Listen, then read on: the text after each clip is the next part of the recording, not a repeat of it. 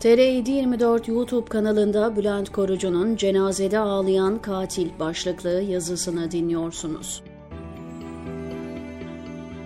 Türkiye'deki muhalefeti tek cümleyle anlatmam istense başlıktaki cümleyi tercih ederdim.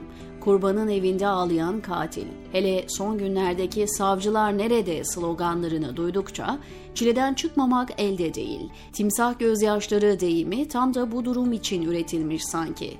Sahi nerede bu hakim ve savcılar? Birisi hayrına muhalefeti anlatsa da boşuna arayıp kendilerini heder etmeseler. Çok uzağa gitmeye gerek yok. CHP lideri Kemal Kılıçdaroğlu, partisinin kontenjanından Hakimler Savcılar Kurulu'na seçilen Ömür Topaç'a sorsun. Hemşehrilik hukukunu da araya koyarak malumat edinmeye çalışsa ve dese ki hadi cemaatçi savcıların akıbetini biliyoruz. Pekala bizim Seyfi Oktay ve Mehmet Moğultay'ın atadıkları nerede? Onlar neden görevini yapmıyor?''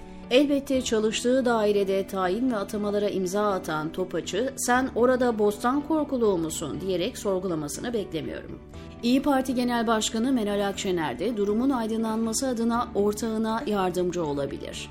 Partisini temsilen HSK'da koltuk işgal eden Sinan Esen ve Cumhur Şahin'i ağlar ne iş ülkeyi pislik götürüyor, yargı 3 maymunu oynuyor siz ne işe yarıyorsunuz sözleriyle açıklamaya davet edebilir.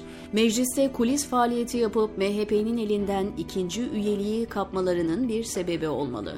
Onca başvuru arasından bu iki ismi seçmelerinin gerekçesi tarafsız ve bağımsız yargı hedefinde kendilerine duyulan güven olmalı.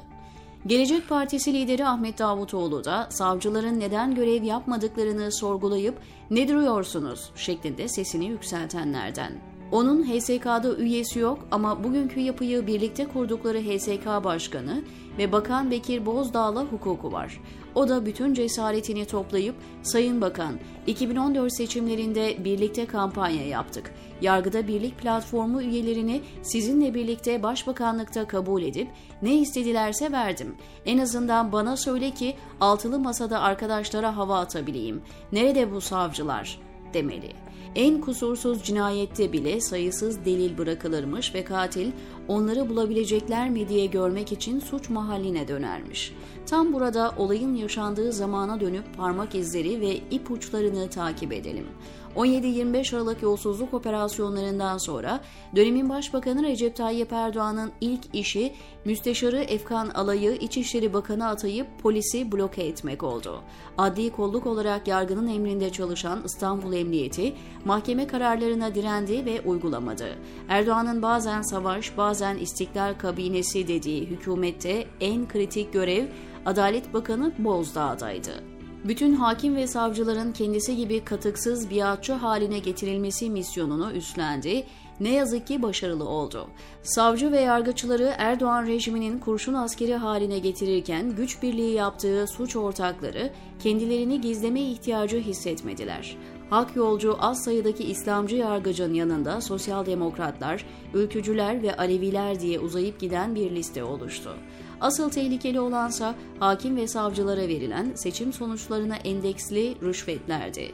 Başbakanlıkta Davutoğlu tarafından ağırlanan Yargıda Birlik Platformu üyelerine 1155 lira seyyanen zam, sicil affı, sınavsız hukuk fakültesi imkanı ve polisler gibi silah alma vaatleri rüşvet olarak verildi. İşi garantiye almak içinse düzenlemeler seçim sonrasına bırakıldı. Böylece tuzun koktuğu ilk andan ilan edilmiş oldu. Sus payları yargı mensuplarıyla da sınırlı kalmadı. Muhalefet partilerine HSK'da temsilci bulundurma imkanı verildi. Gerçi bu temsilcilerin ne işe yaradığı, AKP yargısına karşı nasıl bir muhalefet sergilediğine dair en küçük bir emare dahi yok. Herhalde kadro ve iş takibiyle yetiniyorlar. Gelelim cinayetteki asıl öldürücü darbeye. 2014 seçimlerinde sandıkları kimin hangi adaya oy verdiğini anlayacak şekilde dar bölgeye böldüler. Yargıda Birlik Platformu fişlemelerinin sağlamasını sandıklarla yaptılar. O listelerle bir gecede 3000 hakim ve savcıyı hukuka aykırı biçimde tutukladılar. Boşalan yerlere ve daha fazlasına AKP teşkilatları ve TÜGVA listelerinden gelenleri yerleştirdiler. Herhalde biraz da diğer partililere yer veriyorlar ki hiç sesleri çıkmıyor. İşte o yargı bu yargı.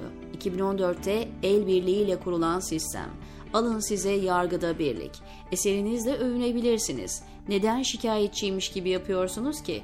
Timsah gözyaşları bile daha sahici, diyor Bülent Korucu TR724'deki köşesinde.